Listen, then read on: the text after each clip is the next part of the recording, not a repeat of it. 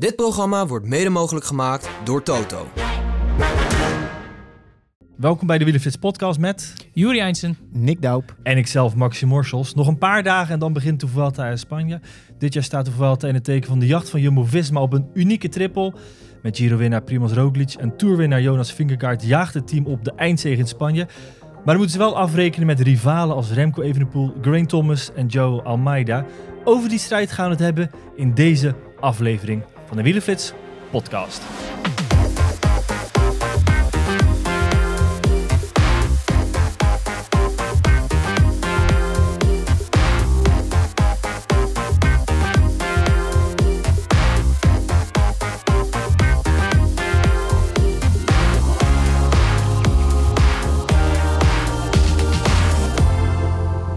...21 dagen, ruim 3150 kilometer en bijna 52.000 hoogtemeters. Wie gaat winnen, Nick? Vingegaard. Ayuso. Vallend. Ja. De nummer drie van eh, vorig jaar. Nou, ik denk dat het gewoon een... eh, eenvoudig zal het niet zijn, maar wel een overtuigende zege van eh Primoz Roglic gaat zijn. Dus we denken er alle drie anders over. Nou, daar gaan we Dit wordt een interessante podcast. daar gaan we het even over hebben in deze... Of wat zijn het wel over eens dat Jumbo-Visma de te kloppen ploeg is? Ja, dat is eh, zeker het geval. Als je ziet eh, wat voor ploeg die hebben. Ik heb het net even opgeschreven. Hè. Vingegaard, Roglic hebben we al eh, besproken. Verder Robert Geesink, Dylan van Balen, Attila Walter, Sepp Koes. Die een derde grote ronde rijdt dit jaar. Absurd eigenlijk. Ehm, en dan nog Wilco Kelderman en Jan Tratnik. Ja, op papier. Ik zag van de week een statistiekje voorbij komen met het, ja, de kwaliteiten van een ploeg. En dit was, stond in de top 7 van de, van de op basis van kwaliteit beste ploegen ooit in de grote ronde aan de start. Waarbij die vorige zes toch een dopingsausje op zich hadden. Nou, ik zat gisteren eh, nog een podcast opgenomen eh, met de kopgroep eh, met, eh, met Michael Bogert, die zat erin. En die had wel een heel goed punt. Die zei, die constateerde natuurlijk wel dat maar heel weinig renners van Jumbo-Visma echt fris zijn.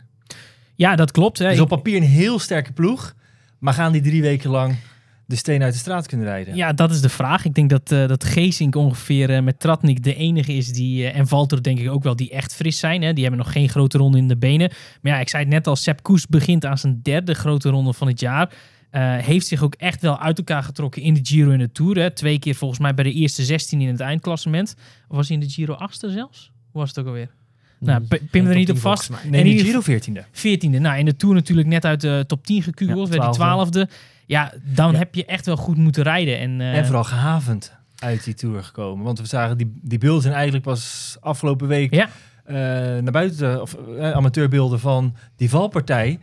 En dan zag ik pas wat, wat voor harde schuiver dat was, waarin die eigenlijk eh, de hele kant van zijn Ja. gezicht eh, open haalde en bebloed rond het oog was. Ik moet zeggen, ik kreeg wel in één keer heel veel meer respect voor Carlos Rodriguez. Want Ja, er werd gewoon letterlijk over hem heen gereden. door, en je door zag ook het- hoe die romp Ja. toen hij ging staan. Echt eh, nare, nare beelden eigenlijk. Ja, maar goed, terug naar Koes. Die heeft naast al twee grote rondes, waar hij zich twee keer wel met eh, een winnende ploeggenoot, zich wel al twee keer binnen buiten moeten rijden. En die laatste keer ja, ben je ook gewoon al een aantal dagen kwijt om te herstellen. Ander punt is, Vingegaard, eh, ook waar het... eh wa- waar mij constateert, want volgens mij ja, geen hoogtestage. Ik heb het ook niet Nee. kunnen achterhalen. Nee, ik, ik heb het ook al aangekondigd hoor. opgeschreven ja. met een vraagteken. Is hij op hoogte geweest? Vraagteken. We weten het niet. Nou, nou, dat wisten we wel. Maar nee, eh, hij heeft toen hij had aangekondigd de, na de Tour, toen wist hij al, ik ga geen hoogtestage doen.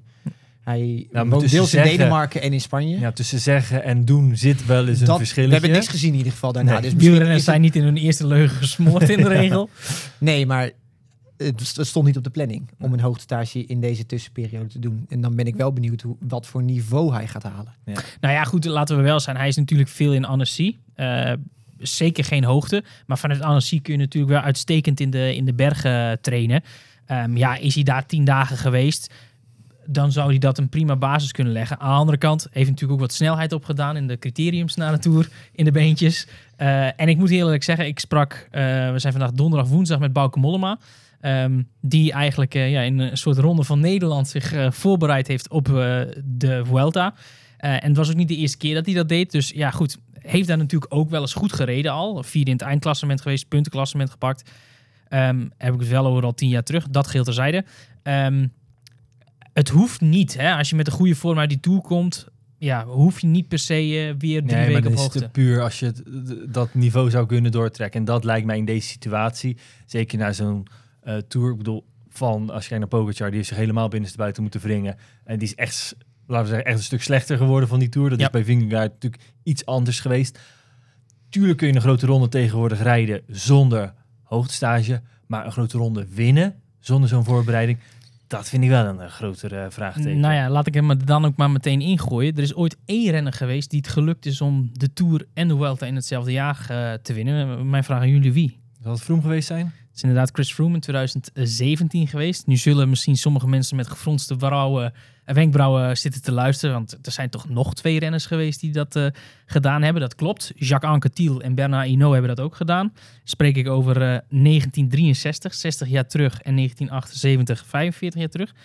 Toen was de Vuelta alleen nog in het voorjaar. Eind eh, april, begin mei. En lag hij nog voor de Giro. Ehm, dus die hebben hetzelfde gedaan. Maar die hebben dus toen eerst de Vuelta gewonnen. En later in de zomer pas de Tour. 2017 is mij ook gelukt om beide grote rondes eh, te Tot volgen. een goed einde te brengen. Zonder hoogtestage. Heel goed. En Hoe beviel dat? Dat was hartstikke goed. Eh, Ik was nog fris. eh, ik was niet, naar, niet naar Madrid. Want het Maar- was na de Angliru. Toen ben ik naar huis gereden. Maar is, is het, dit is wel denk ik het moment voor Vingegaard om te testen hoe hij twee grote rondes in een jaar kan betwisten. Want ja, ik denk wel dat dit, dat dit dan het moment is. Hij is goed uit de Tour gekomen. In de laatste week vroeg ik me een beetje af van... is hij niet al bezig met misschien ergens ver... omdat hij al zeven minuten voor had, dat hij kon volgen. Nou, dat, Nou, dat was kan volgens mij geven. niet zo. Dat is nee. Ik eh, weet Het oogde misschien zo voor mij, Ja. maar... Nee, maar het antwoord dat... eh, want ik weet nog dat ik ook nog vroeg... eh, volgens mij was het na de rit dat eh Poels had gewonnen. Toen begon het nog over tactiek. En over... liet hij daar zo misschien wel... de trui... Of liet Pogacar misschien wel bewust inhouden om... Ja. eh, over de tijdrit pakken. hè, Oh ja. Dat hij dan een eigen pak. Nou, toen werd mij toch wel eh, in... eh, op nette manier hoor. Maar het was me wel duidelijk dat eh was Ze Marijn Zeeman. niet de vloer met je Die aangeveegd. zegt ze van, eh, luister Maxime, deze gasten die gaan, kunnen niet harder dan dat ze nu fietsen. Er zit hier op, het- op zo'n slot weinig tactiek meer in. Dit is echt alles, alles, alles geven. En ja, dit soort tactieken en dus ook al met verder dan de dag erna zijn die op, dit, op dat zo'n moment eh, niet bezig. Dus ja, daar ga ik niet helemaal En wat ik in wel- mee. Hoewel het natuurlijk daar wel zijn, zijn sterkte in eh, toonde. Kijk, over Vingegaard gesproken, het is natuurlijk wel zo... Hij heeft bijna alles gewonnen. Alleen Parijs-Nice niet. Voor de rest heeft hij alle koersen die hij heeft... alle klassementen die hij heeft gereden, heeft hij gewonnen. Ja, Waar die ook niet, hè. eh, ik heb daar nog naar gevraagd. Parijs-Nice was Pogacar echt veel beter. Eh, zijn er niet alarmbellen afgegaan? Nou, heeft Marijn Zeeman gezegd van nee, echt absoluut niet. Eh, A, zat Pogacar toen in een hele andere voorbereiding. En B, waren er in aanloop naar Parijs-Nice een aantal privéomstandigheden rondom Vingegaard die hem dermate afgeleid hebben, waardoor hij nooit in een goede vorm in Parijs-Nice heeft kunnen rijden. Dus misschien moeten die zelfs niet eens helemaal meetellen. Nee, maar goed, het is meer van... Heeft eigenlijk nagenoeg perfect seizoen gedraaid. En het hele seizoen op een hoog niveau gepresteerd. En natuurlijk niet in iedere ronde die hij gereden heeft... was de ehm, concurrentie van wereldtop. Maar ja, eigenlijk, eigenlijk was het dat wel juist. Je ziet dat iedere ronde gewoon flinke tegenstand is geweest. En heeft er bijna altijd met kop en schouders bovenuit eh, gestoken. Wat voor manier ga je dan die, eh, die Vuelta in? Zou die dan toch gewoon een rekening willen terugbetalen aan, aan Roglic? Is hij bliksem afleden? Houden we rekening met hem? Ehm, en dat ze eigenlijk twee kaarten kunnen, Ja. kunnen gaan spelen? Nou ja, wat, wat natuurlijk wel zo is, hè, je zei het in de intro al. Er is nog nooit een ploeg ter wereld geweest die in één seizoen Giro Tour en Vuelta heeft gewonnen. Ehm, nou ja, ze zijn natuurlijk een documentaire aan het maken op dit moment. Het is natuurlijk wel een heel lekker verkoopplaatje als je dat dus kunt zeggen. Wij zijn de beste wielerploeg ter wereld die alle grote Ja. rondes in één Nee, jaar gewonnen hebben. als we Vingegaard zien die, laten we zeggen, al op maandag hoor, gaat er geklommen worden richting eh, Andorra. Ja. En daar al ehm, tijd moet toegeven, dan is dat voor hem persoonlijk natuurlijk niet, niet het fijnste plaatje als jij als bijna onoverwinnelijke renner het hele seizoen eh, Ja. rondfietst. Dan verlies je in één keer een hele hoop van je pluimen. En ja, de mens is eh, maar een korte, korte gedachte. Ja. Dan ga je toch het seizoen uit als iemand die Zo, zo denkt hij er zelf niet over. Want hij, hij zegt, mijn seizoen is al geslaagd. En dit, gaat, eh, dit is een extra voor hem. Ehm, wel een extra waar, waar ze natuurlijk volop inzetten. Maar als ploeg, hij zegt met alle liefde heb ik dat Roglic wint. Ja. Eh, zelfs ja, eh, als hij zich daar een steentje aan kan bijdragen, want dan heeft de ploeg gewonnen. En het voordeel in die zin is dat ze ge- geen kopman gaan uitspreken. Of zou Eén hij, eh, kopman. ja, of zou hij eh, een beeld wat in eh, San Sebastian is ontstaan eh, willen rechtzetten? En dat beeld is in, eh, in de Tour in San Sebastian?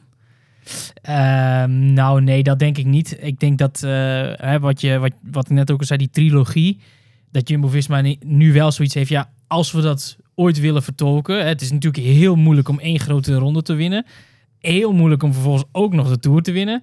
Ja, als je dan deze unieke kans krijgt om ook de Vuelta in hetzelfde seizoen te winnen, wat nog nooit gepresteerd is. Hè. Ik, ik, ik zie Richard Plugge straks al roepen van, eh, wij zijn de eerste ploeg in de historie die alle grote rondes gedomineerd heeft in één seizoen. Ja, waanzinnig. Nou ja, goed, dat praatje kennen we straks. Is natuurlijk ook fantastisch als je dat kunt zeggen. En we kunnen wel vaststellen, ze gaan er wel alles aan doen. Want ze hebben denk ik wel op papier de allersterkste selectie eh, voor deze wedstrijd neergezet. En ja, ehm, wat, wat voor rol Vingegaard daar ook in zal spelen. Hè, ik weet nog bijvoorbeeld in die eerste eh Vuelta die Roglic won in 2019, was Vingegaard ook mee. Die is toen op het laatste moment nog opgeroepen, want die moest toen... Volgens mij- eh, Dumoulin, volgens nee, mij. in 2019 reed Dumoulin nog niet bij Jumbo. Volgens mij moest toen George Bennett op het allerlaatste moment vervangen. En ik weet nog dat Vingegaard daar hopeloos in de rond reed. De eerste etappes. Maar op de Angliru als knecht de basis gelegd heeft voor de eindzege, eerste eindzege in de Vuelta van Roglic. Wat ook nog meespeelt, is dat Roglic gedeeld recordhouder kan worden als hij opnieuw de Giro wint, of eh, opnieuw de Vuelta wint. Dus ja, er zijn wel meerdere, meerdere zaken die interessant zijn voor Jumbo-Visma. En ja, met zo'n ploeg kun je niet anders zeggen dat je er dan niet alles aan hebt gedaan. Jij zei, Roglic is jouw favoriet, Vingegaard. Ja, daar, daar is het, het voordeel voor Roglic is dat hij de ideale voorbereiding heeft gehad op deze Vuelta. Na de Giro heeft hij eigenlijk pas in Burgos is hij weer begonnen, maar die hele, al die maanden daarvoor heeft hij kunnen toewerken. Hoogtestages, nou, ronde wint hij drie etappes, één met de ploeg en twee zelf. Zonder zich al te veel in te spannen, want in die laatste rit volgt hij Yates en Vlaasov. En wint hij met twee trappen in de sprint, wint hij het sprintje. Ja, ik, wat dat betreft zou Roglic de ideale kopman zijn om gewoon te zeggen... we gaan in principe voor Roglic... en dan hebben we Vingegaard achter de hand. Want Roglic heeft natuurlijk dat eindschot. Ehm, maar ja, je zit met even de pool nog. Nou ja, laat ik dan nog maar een keer een analyse over Roglic er ook op loslaten. Die gaat inderdaad nu een van de kopmannen zijn van Jumbo-Visma. Maar er is ook maar één renner in de historie geweest die de Giro en de Tour in hetzelfde jaar gewonnen heeft. Wie? De Giro en Tour. De, sorry, de Giro en de Vuelta in hetzelfde jaar. Wie? Ook Vroom. Nee, Nee. dat zal het niet zijn. Nee. Ik heb geen idee. Komt dat door? Contador was dat inderdaad. In 2008 won de Giro en later de Vuelta. Zullen er weer mensen zijn met wenkbrauwen? Dat klopt, want het is nog twee keer voorgekomen dat een renner ook de Vuelta Giro won. Want dat was de, voor, eh, of de volgorde voor 1995. Dat waren Eddy Merckx in 1973 en Giovanni Battaglin in 1981. Wat ook maar wil aangeven dat het winnen van de Giro en de Vuelta in hetzelfde jaar ook extreem lastig is. Moet ik wel zeggen dat Roglic wel een prima track record heeft. Heeft dus drie keer de Vuelta gewonnen. De eerste keer was in 2019, toen was hij derde in de Giro. Tweede keer was in de Tour, of in de eh 2020 was hij natuurlijk eerst tweede in de Tour en won daarna de Vuelta. Alleen in 2021 is er niet een grote ronde Ja. geweest, want toen gaf hij op in de Tour. Dus Nee. Kijk, wat natuurlijk wel ook ehm, hier bij het geval is, er zit zo'n lange tijd tussen mei dat de Giro eindigt en eh, laten we zeggen eind augustus Ja. dat de, de Vuelta begint, dat die piek doortrekken, of eigenlijk dat hele hoge niveau doortrekken, bijna onhaalbaar is. Hè? Je ziet wel dat het vaker gebeurt, die op een volgende ronde, dat je gewoon dat niveau toch nog enigszins kunt vasthouden. Vorig jaar denk ik, een, eh, was natuurlijk Bardet die eh, uitviel eh, in de Giro, stond toen vierde. Ja. Ehm, heeft toen eigenlijk zijn niveau vastgehouden en werd vervolgens, wat was het, zevende geloof ik, in de Tour. En hij staat in het zomernummer van, eh van Ride Magazine, daarvoor heb ik hem geïnterviewd en vroeg ik ook van, goed, dat vond ik een behoorlijke prestatie om, Ja. joh, hè, na zo'n teleurstelling, dat niveau vast te houden, eigenlijk nog door te blijven trainen. En hij zei eigenlijk, ja, dat viel eigenlijk wel mee, want ik heb eventjes moeten, moeten uitzieken en eh, vervolgens ja, gewoon door te blijven trainen. En eh, is toen wel ook op vakantie gegaan. Heeft daar een fietsvakantie letterlijk van gemaakt, op hoogte gegaan. Er kon zo redelijk, op gemoedelijk, dat topniveau vasthouden. En ja, kon dus eh, nadat hij uitviel in de Giro alsnog er weer staan in de Tour. Die situatie natuurlijk niet voor Roglic. Die heeft er echt eventjes eruit Ja. moeten gaan. Even moeten, laten we zeggen, afkoelen om vervolgens weer op te bouwen. Maar er zijn maar weinig renners die zo die zo'n stevige kop erop hebben, die zich echt niet laten gek Ja. maken. Nee, daarom als Roglic. ik, als ik de track record van Roglic ook zie, is hij wel iemand die dat zou kunnen. Maar nogmaals, En bedenk ook vorig jaar, hè, reed hij ook natuurlijk de Vuelta. Valt hij uit door, een, eh, ja, door, de, door de gevolgen van een valpartij. Anders had dat hele podium er echt wel anders uitgezien. Nee, ja. Zelfs met de nummer 1. Eh, 100%, want het leek er in die laatste weken op meer en meer dat Roglic toch de, ehm, ja, de, de renner zou zijn die het uiteindelijk aan het langste strootje zou trekken. Eh, maar ja, nogmaals, die statistieken wijzen wel uit dat het echt uniek zou zijn als zowel Vingegaard of Roglic de Vuelta wint na een eerdere grote rondezege dit jaar. Wat ik nog even over het tactische, tactische spel, wat ze eigenlijk binnen Jumbo-Visma moeten gaan spelen. Want in de eerste week zitten volgens mij al drie aankomsten bergop. Er gaat een moment misschien al komen in de eerste week dat ze met z'n twee overblijven in de, in de favorietengroep. En dat een van de twee zal moeten gaan werken. Die, die kans bestaat. Ze kunnen ook het initiatief zelf nemen en gaan aanvallen. Dat kan ook natuurlijk de tactiek zijn. Maar wie, ga, wie gaan ze dan aanwijzen om in die eerste week al te laten rijden Nou ja, voor de goed? Remco Evenepoel als titelverdediger. Gaan ze gaan tegen ja, hem maar- zeggen, ga maar rijden. Ah, nee, hangt natuurlijk ook vanaf gewoon wie de, wie, wie de, wie de trui draagt. Nee, maar ik, ik kan me voorstellen als je inderdaad al hè, de, volgens mij de tweede of zelfs derde dag is het al meteen aankomst bergop. Hè, het beeld wat niks schetst. Al moet ik heel eerlijk zeggen, in de Vuelta in die eerste etappes is het vaak nog wel kort bij elkaar. Het zijn natuurlijk nooit de extreem lange beklimmingen zoals we die in de Tour kennen. Ehm, maar ik kan me heel goed voorstellen, ondanks dat Jumbo-Visma by far de beste ploeg heeft, dat ze toch tegen titelverdediger Evenepoel gaan zeggen, eh, jongen, laat maar zien. Is we, jou. we hebben nu al een heel tijdje over één ploeg, Jumbo-Visma. Maar het is echt een supersterk bezette Vuelta. Ja. En dat betekent ook dat juist in die eerste bergetappes... Ja, de kans dat deze twee renners alleen voorop komen... en dat dus de rest er niet mee kan en, en eh, om een gat zit... schat ik als best wel heel erg klein in. Want je hebt een Vlasov die nog meedoet. We hebben Landa die voor zijn eigen kans staat. We hebben Evenepoel natuurlijk. Almeida, Ayuso. Allemaal, Garen Thomas. Garen Thomas. en Rick Maas. Daar, Arendsman. daar zijn, zijn allemaal gasten die... Weet je, de kans dat, dat zij met z'n tweeën voorop gaan rijden... dat gaat in die eerste week echt niet gebeuren. Ze hebben in deze Vuelta 20 plekken nodig om de top 10 te vullen als, als dit zo doorgaat. Nee, Maar het wordt wel zo... En dat weten al die andere gasten. En er zitten een aantal bij die wel eh, van het aanvallen zijn. Die gaan, die gaan het spel spelen. Die gaan weg willen. Zo snel mogelijk zorgen. Weg bij Jumbo-Visma eh, rijden. Weg bij de rest. En dan wordt het vooral zaak... gaan ze beide kunnen volgen? Ik denk dat het echt wat dat betreft dat ze, dat ze een soort drie-strijd gaan krijgen tussen Jumbo-Visma, UE, Emirates en Evenepoel dan. Van joh, wie, wie gaat op wie reageren en, en op wie niet? Ehm, als Almeida wegrijdt, gaat Evene, laat Evenepoel dat toe. Eh, laat Roglic dat toe. Wie gaat er springen? Dat, dat, dat zijn natuurlijk de voordelen die Emirates en eh, Jumbo hebben. Dat zij die overtal, dat overtal gaan hebben. Want ik zie in de, deze selectie van Soudal Quickstep niet iemand die op het moment dat er nog tien over zijn, nog bij Evenepoel zit. Nee, dat zie ik inderdaad ook niet. Maar het is wel zo, kijk, op, op zo'n slotklim is het toch man tegen man. En normaal gesproken zullen Vingegaard en Roglic er allebei bij zijn. Zal Evenepoel daarbij zijn en zullen eh, Almeida en, en ook Ayuso daarbij zijn. Ehm, en dan is het gewoon ja, het recht van de sterkste. En wie achter wie aanspringt, dat valt te bezien. Eh, ik denk alleen dat als, als Evenepoel is dan in die zin in het eh, numerieke ondertal... dat eh Evenepoel... Ja, ze zeggen niet zo niets, de aanval is de beste verdediging. Altijd dat zal moeten doen om die andere twee ploegen een stap voor te zijn. Kijk, we hebben natuurlijk ook in de Tour gezien. En dat was eigenlijk ook niet heel anders in de Giro. Dat er maar één, één ploeg echt was die tot als alle klasse mensen maar geïsoleerd zijn... nog een ren in een dienende rol had. En dat gaat dan in dit geval zullen er waarschijnlijk wel drie zijn van Jumbo-Visma die er dan bij zitten. De twee kopmannen en eh, schat ik dat gewoon Koes heel erg lang eh, mee gaat. Ja. eh, Want we mee hadden het over. Koes, maar Koes kan, kan in die zin gewoon tussen aanhalingstekens zijn dagen uitkiezen. Ja. Als hij zich in die eerste week niet top voelt, Ja. hebben ze altijd nog Kelderman, als die in topvorm is, dat hij ook gewoon bij de beste tien. En eh, volgens mij ben je bij O Gran Camino geweest dit jaar. Daar liet Attila Valter ook niet zo'n slechte indruk achter. Nou goed, en wie gaat deze selectie is ook weer typisch zo'n selectie waarvan we... eh, het was als opvallend ook af. We gaan nog een keertje terug, eh wijs ik naar de Tour... waarin we Koes al in week 1 meezagen doen eh, in, in, in de knechtenrol.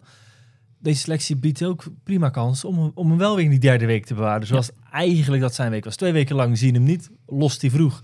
Spaart hij die benen om in week 3 in één, twee ritten er te staan. Want- en in die twee ritten werd dan de beslissing Jongens als, als Van Baarle en Tratnik, dat zijn gasten. Die kunnen ook gewoon op een goede dag, die horen ook gewoon bij de Ja. beste 15 en Ja. 20 klimmers. Hè? denk je van Kelderman?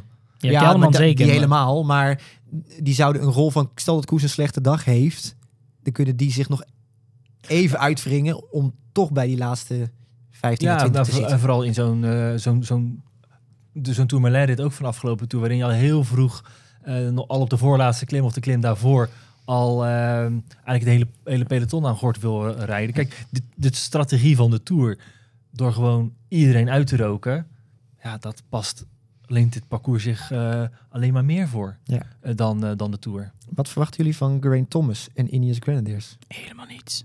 Ja, ik, zit, ik, dus, ik dus ook eigenlijk niet. Maar Maxime, wat jij? Nou ja, eh, tegen het eh, geweld van UAE, eh, van Evenepoel en van, eh, van Jumbo niet. Maar goed, dat zei ik ook aan het begin van de Giro.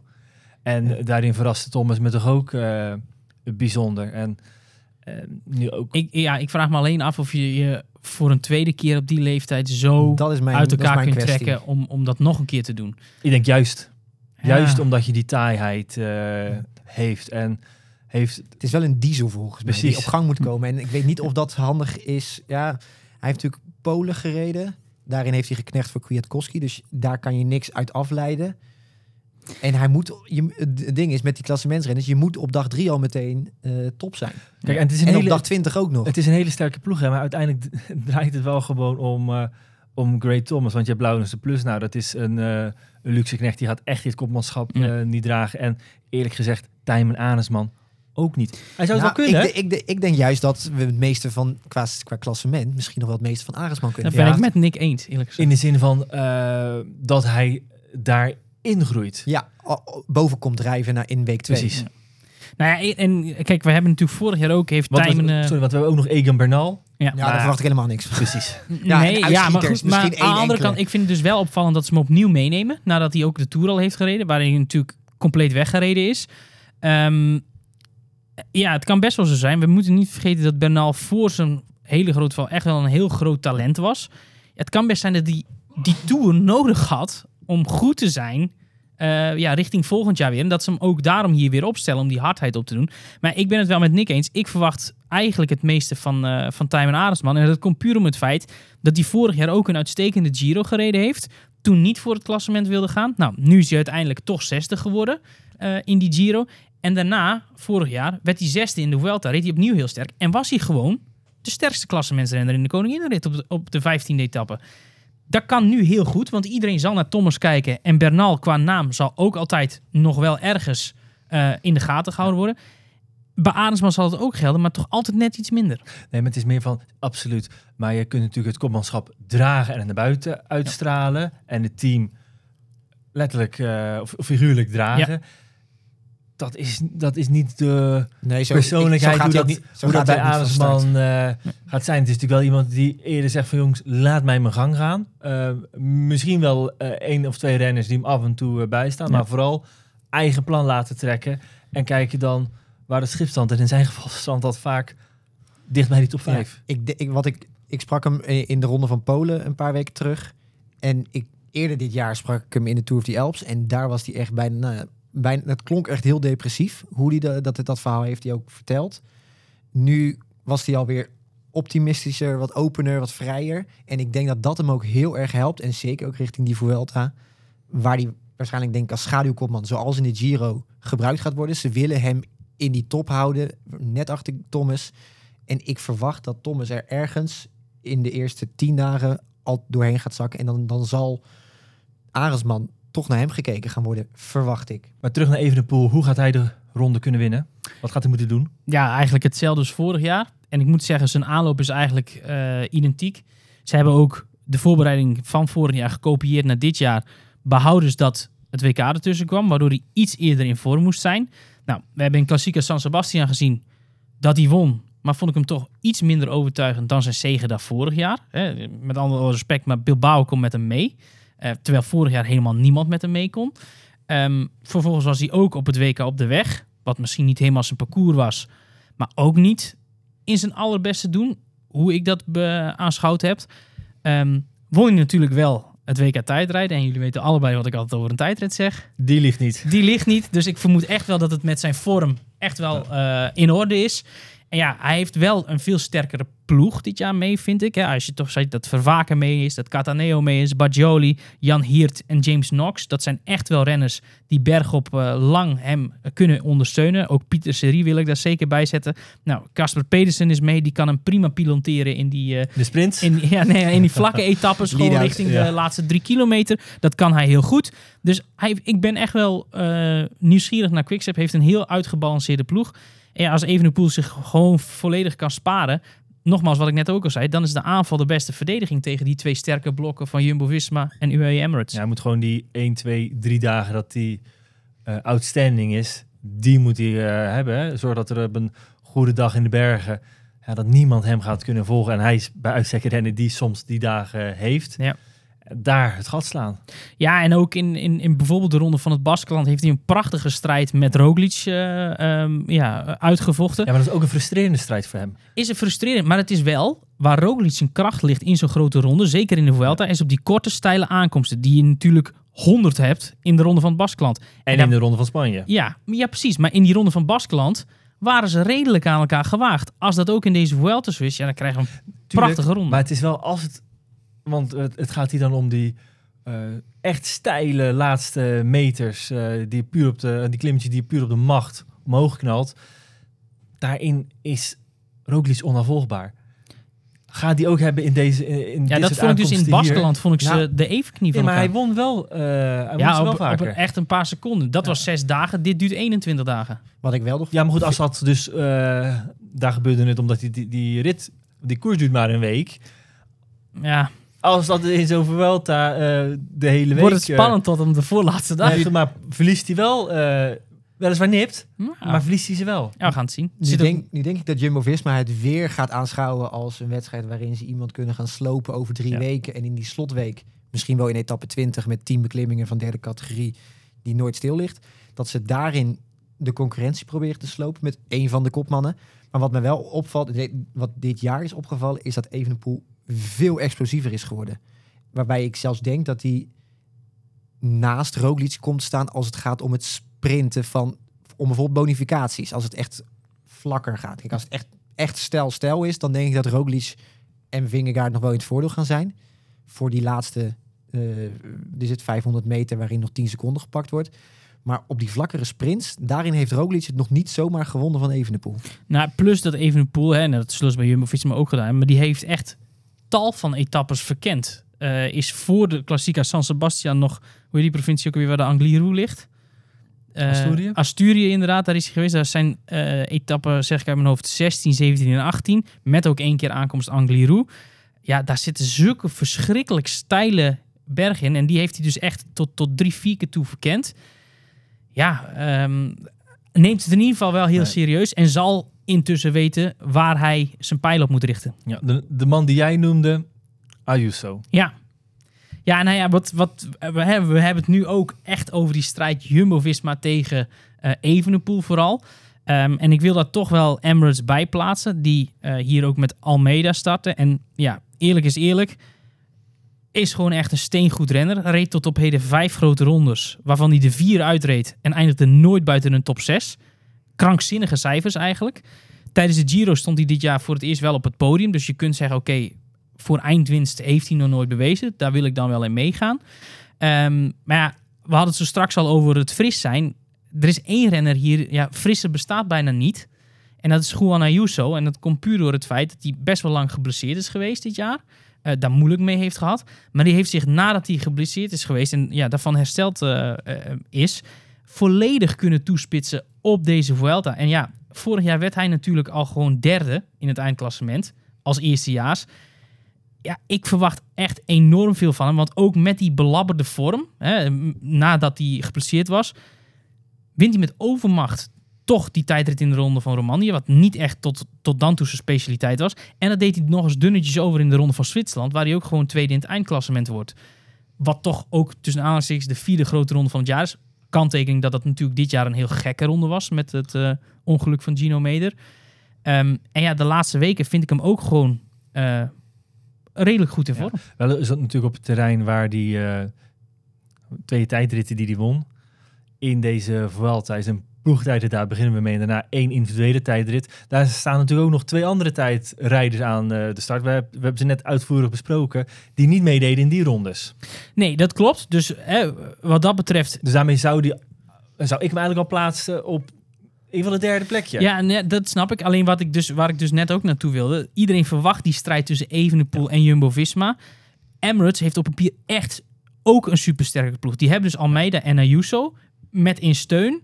Eh onder meer zeker. Soler en Jay, Jay Vine. Weet je wel, de, de Giro werd een, eh, werd een tweestrijd eh vooraf voorspeld. De Tour werd een tweestrijd vooraf voorspeld. Dat werd ook een tweestrijd. Deze Vuelta is geen tweestrijd. Nee, Zoveel is duidelijk. Ja, misschien binnen Jumbo-Visma, maar niet richting, richting concurrentie. Ik denk dat je wel vijf namen gaat, gaat uitkomen. nee zeker. Maar ik, hè, nou, die hebben we denk ik ook al. Ja. Met Roglic, Vingegaard, Evenepoel, Almeida en, en Ayuso. Ayuso. Nou, waarom verwacht ik dan veel van, van Ayuso? A, omdat het een absoluut toptalent is. Ehm, B, ehm, is fris, want heeft niet heel veel gekoerst dit jaar. Ehm, heeft dus ook die supersterke ploeg. Wat ik net ook zei, Marc Soler, Jay Vine in steun. Al is bij de laatste maar de vraag of hij zich committeert. Want ik weet niet of jullie nog dat Giro-interview eh, eh, jullie voor de geest haalden... dat hij voor Almeida moest ja, knechten, maar er eigenlijk helemaal niet zo blij mee was. Dus dat is nog maar de vraag. En ja, ehm, Ayuso is juist omdat hij misschien die onzekere factor is, eh, ook voor de buitenwereld, hè, voor, voor ook bijvoorbeeld Jumbo-Visma en voor Evenepoel, ja, misschien wel degene die ze sneller zullen laten rijden, omdat ze weten dat Almeida wel heel goed in orde is. Hij was volgens mij onlangs weer tweede ook in de ronde van Polen, als ik me niet vergis. Ja. Ehm, dus Ayuso is voor mij degene die, zeg maar, à la Carapaz in de Giro van 2019, waar Roglic en Nibali die twee strijd moesten voeren, zou Ayuso best wel eens ergens zo ja, eh, tussendoor kunnen wegrijden.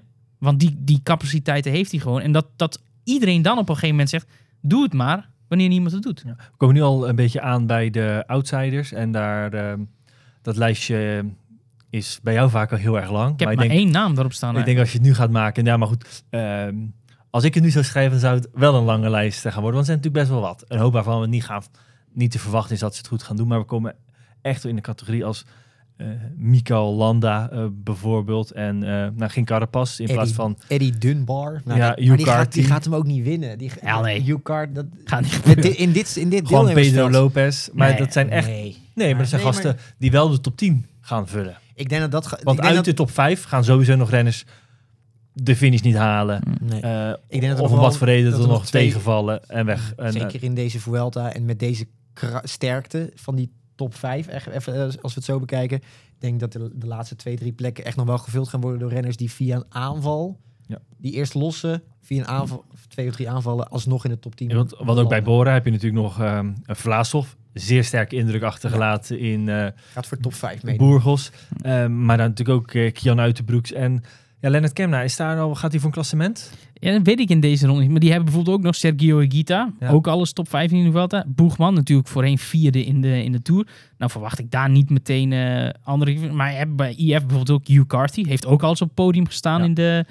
Bahrein Victorious met Landa, Caruso, Buitrago, Ja. Poels. En ja, ik zelf... En dan kom ik, ben ik nog niet eens bij, mijn, bij de enige outsider die ik heb. Maar de, waar ik Heb je nog niet genoemd? Waar- ja, ik heb hem al wel genoemd, maar we hebben het nog niet uitvoerig over gehad. Ehm, de naam waar ik het meest nieuwsgierig naar ben deze, deze Vuelta, ja, is eh, Lenny Martinez van eh Groupama FDC. Absoluut toptalent wat betreft klimmen. En die vindt hier in deze Vuelta echt een parcours wat perfect bij hem past. En ja, bij Romain Gregard, zijn, nou ja, dat andere grote toptalent uit Frankrijk bij diezelfde ploeg, is niet per se een klimmer. maar wel een puncheur. En daarvan krijg je dus echt nu al enorme Warren Barguil vibes. Die in 2012 of 2013, pin me daar niet op vast, ook uit het niks twee ritten won in die Vuelta. En dat zie ik Gregaar bijvoorbeeld doen. Gaat niet meespelen in het klassement. Ehm, maar om terug te gaan naar de enige naam die ik heb als outsider, Enrique Mas. Ja, kan je die als eh, podiumkandidaat eh, voor, voor jaar tweede geworden? Kan je De laatste als, eh, vijf edities, drie keer tweede. Ja, Ja, het is geen outsider, maar, maar, Maar- dit, is- het is ook geen topfavoriet. want die maar- huist bij die andere drie ploegen. Wat ik, wat, het vraagteken wat bij hem zit is natuurlijk zijn fitheid. Hij is eh, uitgevallen in etappe 1 in de Tour. Ja. En daarna volgens mij schouderbreuk, schouderblad eh, gebroken. Lang teruggekomen. En hij stond op de lijst voor Ronde van Burgos. En heeft die niet gereden om een extra trainingsweek in te lassen. En ik denk, ja, als je je echt goed en fit voelt, om, dan wil je jezelf testen. Ja, zou, zou je tot een paar jaar geleden zeggen. Je ziet natuurlijk nu dat de renners eigenlijk zich beter via training kunnen voorbereiden dan, eh, ehm, dan via wedstrijden. Eh, En- vraag dat bijvoorbeeld maar eh, aan, eh, aan Roglic. Ja. Maar, En de laatste twee edities dat Mas tweede werd, reed hij na de Tour ook geen enkele wedstrijd meer. Dus dit is... Ja, Ja. dat, de ene renner... Nee, nou, ja, maar het is wel anders. natuurlijk Ja. van zo'n beetje de top 5 is hij de minst explosieve.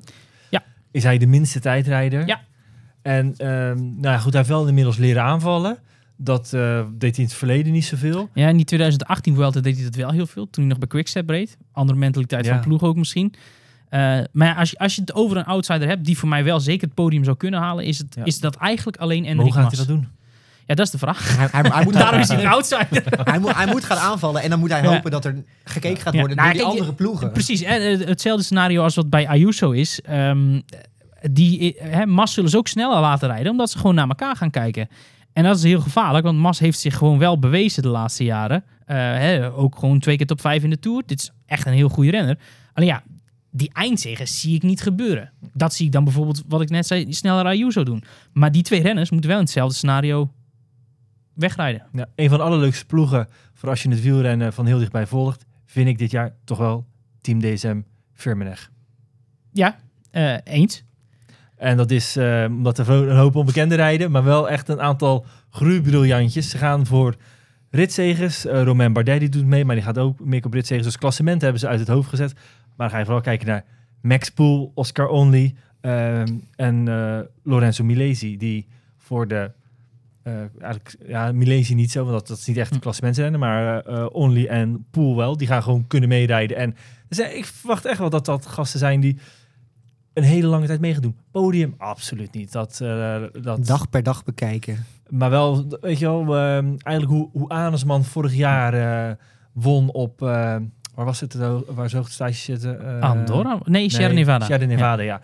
Weet je, zo'n rit, een, een, een, God, vaak is ook zo'n Angliru, eh klassement, eh, de echte toprenners die dat doen. Maar uit zo'n vroege vlucht of vroeg in de prefinale wegspringen, dan zijn dit gasten die gewoon Ja. bergritten kunnen gaan winnen. En wat kan misgaan, hè? Evenepoel, Van der Poel, Max Poel. Ja, dat is... eh, Het ja, precies. En, ehm, goed, ze hebben ook een sprinter mee. Die gaat weliswaar eh, vertrekken, Alberto Dainese. Ja. Ongeveer alle topsprinters rijden op dit moment in Nederland en België ehm, in de Benelux Tour. Er de zijn, Tour. Oh, sorry, de René Tour. Goed dat, je, goed dat jullie me verbeteren. Eh, er zijn niet zo heel veel sprintkansen. Maar voor die er zijn, het zijn een hoop, toch wel laten zeggen, B-garnituur wat hier start. Ja.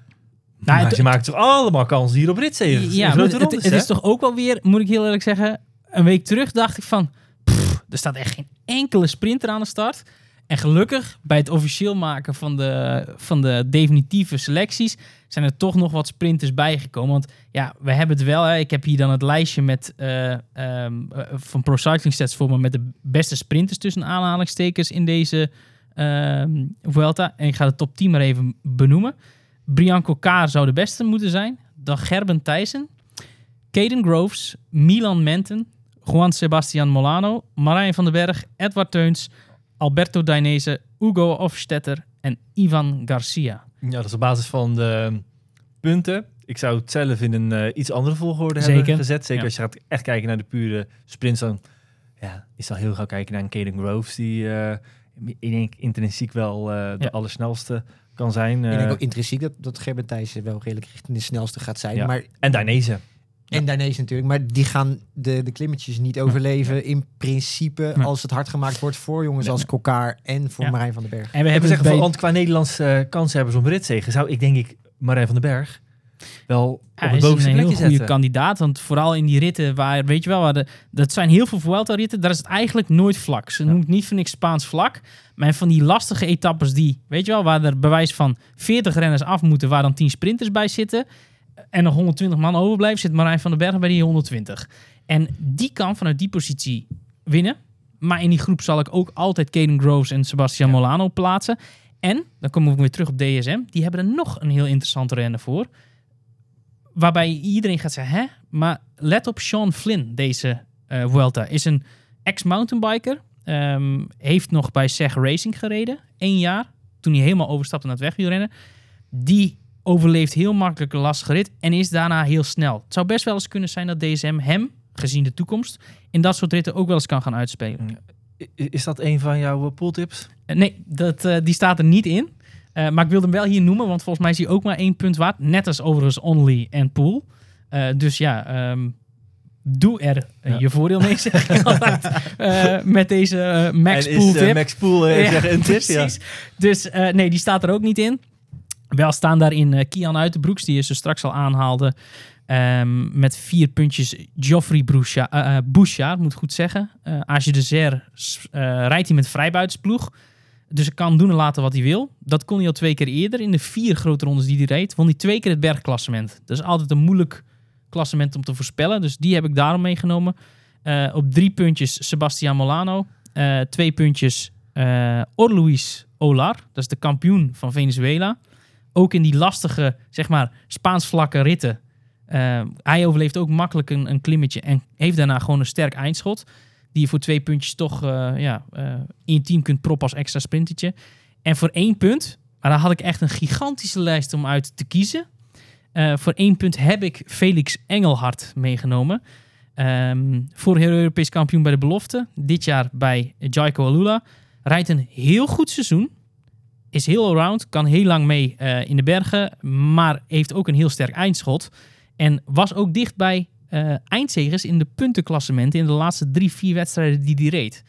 Er kan best wel zo'n renner zijn die in één keer, zoals toen ook Magnus Kort Nielsen zijn eerste eh Vuelta in één keer eh, twee ritten won en eh, dicht bij het dit gaan. voorjaar in Giro Precies, de-. Felix Engelhard kan zo'n zo'n renner zijn. En die is ook maar één puntje waard in Wielenflits ploegleider. Want over dat spel hebben we het. Ehm, maar ja, er waren nog wat ik zeg. Lennart van Eetveld was maar één punt. Only was maar één punt. Max Poel was maar één punt. Eh, wel een van mijn stokpaardjes, Kevin Vauquelin, was maar één punt. En zo kan ik nog wel even doorgaan. Jij moet drie teams gaan vullen. Nou, ik had dus voor het eh, eerst... inderdaad, ik, kwam, ik had plekken tekort voor het mooie. en nog heel veel budget over. Ik, ik heb vanmiddag ook met mijn team opgesteld. Ik zat naast Jury en, en ik zei van ja, ik heb mijn selectie eigenlijk heel snel ingevuld. Vaak kom ik dan op een gegeven moment, je kan niet meer kiezen, want je hebt te veel punten. eh, en nu had ik nog 13 punten over. Dat ik dacht van, oké, ik kan even een pool toch nog nemen. Of Vingegaard, eh, als je keuze moet maken tussen kopmannen. Ja. Dus dat is wel een, een, een, leuke, een leuke puzzel om nog te leggen. Ja. Ploegleider.nl meld je aan. Dan kun je ook eh, de strijdtegels opnemen in het eh wielenflits eh, pool. Eh ploegleider.nl dus tot en met zaterdagochtend heb je tijd om je team in te vullen. En heb je dus nog hulp nodig bij je pooltips? Kijk dan eventjes op de website, want daar staat het uh, pooltips. Ik denk zelfs zaterdagavond nog, want eh, voor de tijdrit moet het gebeuren. En die is zaterdagavond, start die iets na zevende pas. Ja. Finish is iets voor negenen. Dus mocht je nog tips hebben, je weet me te vinden, ik ben om te kopen. Elf Nederlanders in totaal staan er aan de start. Eh, we hebben ze bijna allemaal eh, wel gehad. Drie dus bij eh, Jumbo-Visma. Geesink, Kelderman van Baarle. Eh Little Trek heeft er eentje met Bouke Mollema. Geen Antoine Tolhoek. Had ik ook niet verwacht eigenlijk na zijn blessures. Maar ja, hij hoopte er zelf nog wel op. Maar toch niet.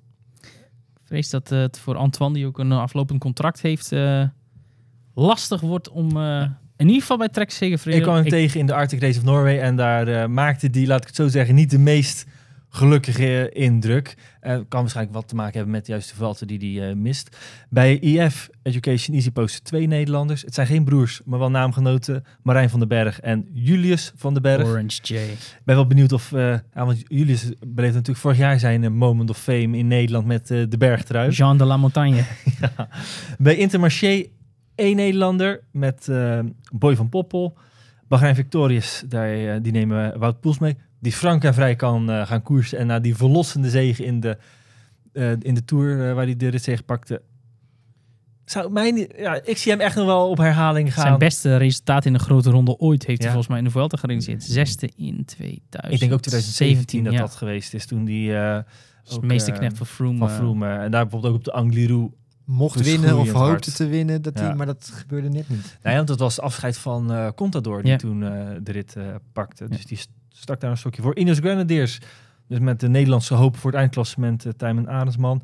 En dan bij Jaco Alula, een van de sympathiekste Nederlandse renners, Jan Maas. En volgens mij missen we er nog eentje. Ja, maar daar komen ze meteen nog Oké, sorry. Ja, nee. We gaan de lijst Oké, af. nee, ja, het klonk net alsof de laatste Jan Maas. Nee, ja, super sympathieke jongen. Ehm, heel nederig altijd, vind ik. Ehm, maar heeft wel zijn plek echt verdiend. Heeft heel lang eh, geknokt voor dat profcontract. Via allerlei omwegen, via Leopard. eh, Ja. en dankzij vooral Paul Martens, zijn trainer bij, uh, bij Jaiko, uh, beland. Uh, voor één jaar getekend, kon zijn contract verlengen. En ja, mag nu zijn eerste grote ronde rijden. En ja, ik denk dat het hem heel goed past. Het is een goede klimmer. Iemand die zich volledig wegcijfert. En ja, eerlijk is eerlijk. Ik denk ook wel dat hij een uh, ja, uh, kans maakt om, uh, om misschien her en der in een rit mee te springen. Want Dunbar is wel de kopman. Maar het is nou ook niet de kopman waarvan ik denk... die gaat op 5 rijden in deze Nee, Vuelta. dan gaat de hele ploeg voor uh, alle kansen offeren. Nee, precies. Dus eh, wie weet kan hij wel een... Uh, zoals Filippo Zana dat deed in ja. de Giro... waar Dunbar ook de uitgespeelde kopman was... Uh, misschien zelfs wel een rit winnen. Oh, dat is wel... Jan Maas? Zeker. Oké. Okay. Uh, ik bedoel, Bert-Jan Bert Lindeman heeft ook een keer een uh, nee, Vuelta-etappe gewonnen. En, en dan hadden, hadden jullie ook nu zo gereageerd. Nee, zeker. Nee, als zeker. die naam gedropt had.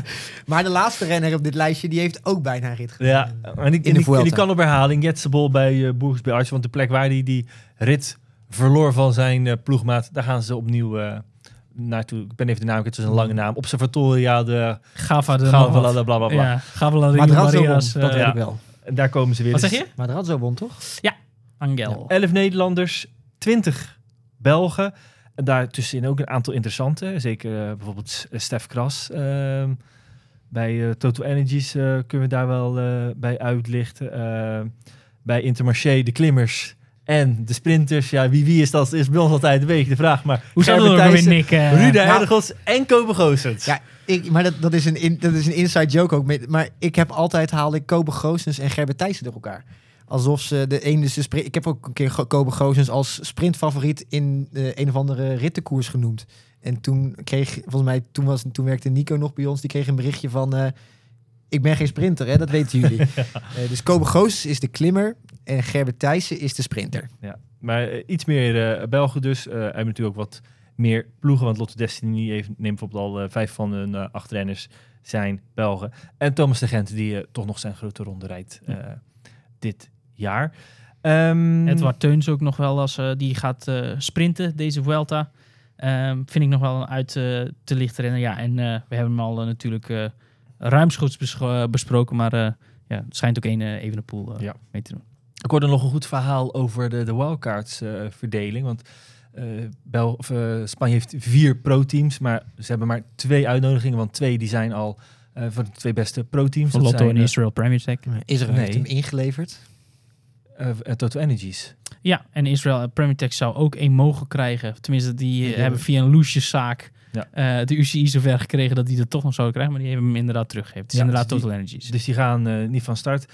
Uh, wel dus Boekes bij Arts en Caja Rural. Dat betekent dus dat Kern Pharma en Euskaltel het niet zijn geworden. En nu hoor ik dus dat hoe die verdeling ook bij de Spaanse ploegen een beetje gaat. Het is natuurlijk ook in, inkopen, want zo gaat dat al, ja. uh, al jaren. Uh, niks nieuws. Hè. Zo uh, hebben ook Nederlandse ploegen wel eens in het verleden erbij gehaald. Ik bedoel, geld helpt een hoop. Maar het is hier niet alleen geld, het is ook juist de politiek. Want als je kijkt, Burgos bij Arts wordt gesteund door Burgos, de regio. Ja.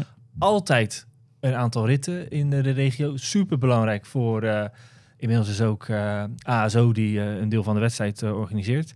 Um, en dus wordt op het politieke spel al invloed uitgeoefend om binnen te komen.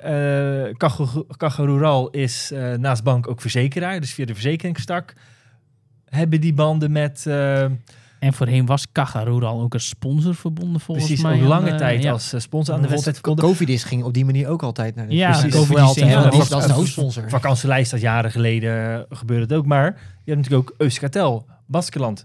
Best wat ritten dit jaar in het Baskeland. Ja.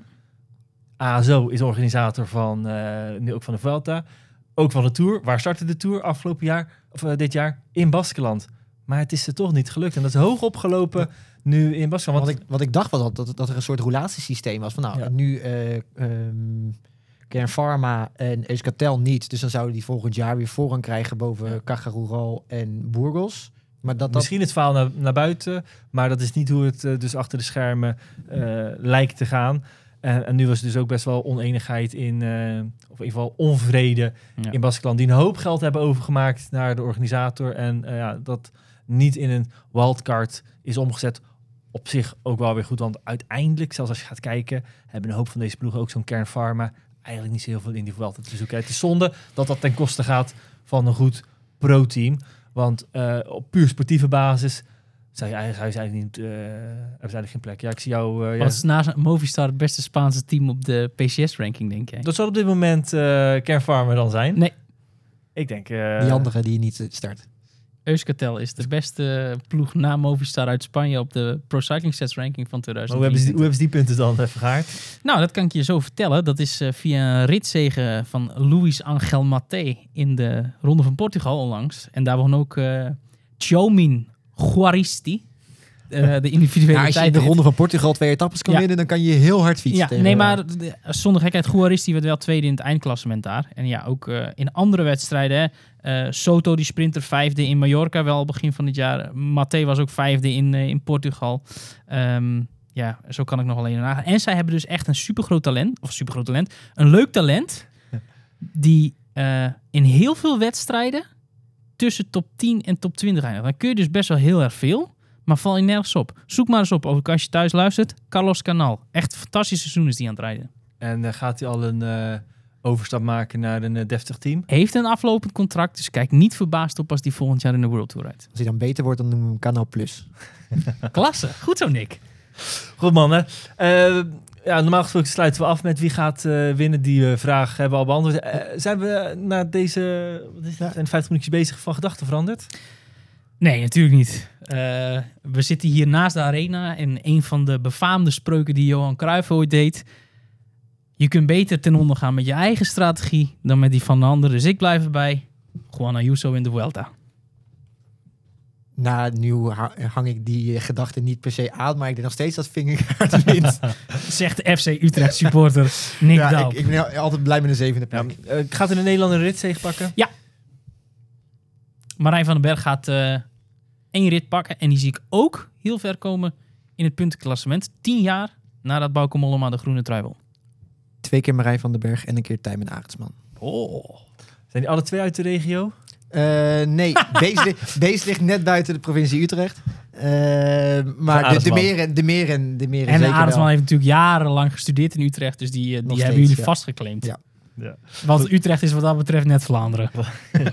Ik, ehm, ik ga ook mee. eh Marijn van den Berg die, eh, gaat een, eh, een rit pakken. En ehm Arendsman dichtbij een top 5 positie. En misschien wel, misschien wel zelfs vierde die worden in deze Vuelta. Goed, de komende weken gaan we, we, hoef je niks te missen op Wielenflits van alles wat de Vuelta betreft. Iedere dag live blogs, voorbeschouwingen en al het nieuws te vinden bij ons. Ehm, en vergeet je dus niet te laten zien hoe goed jij zelf als ploegleider het eh, gaat doen. En dat kan op eh, ploegleider.nl. Dan kun je met ons de strijd aangaan. En met je vrienden, je buurman, je vader, noem maar op. Collega's, noem maar op. Ja, iedereen eh, die ook maar wel of geen verstand van wielrennen heeft. Dat maakt helemaal niet uit. Goed, dank voor het luisteren. Heel veel plezier met de Vuelta. Wij zijn er iedere week met een nieuwe podcast, ook tijdens de Vuelta. Dank voor het luisteren en graag tot de volgende.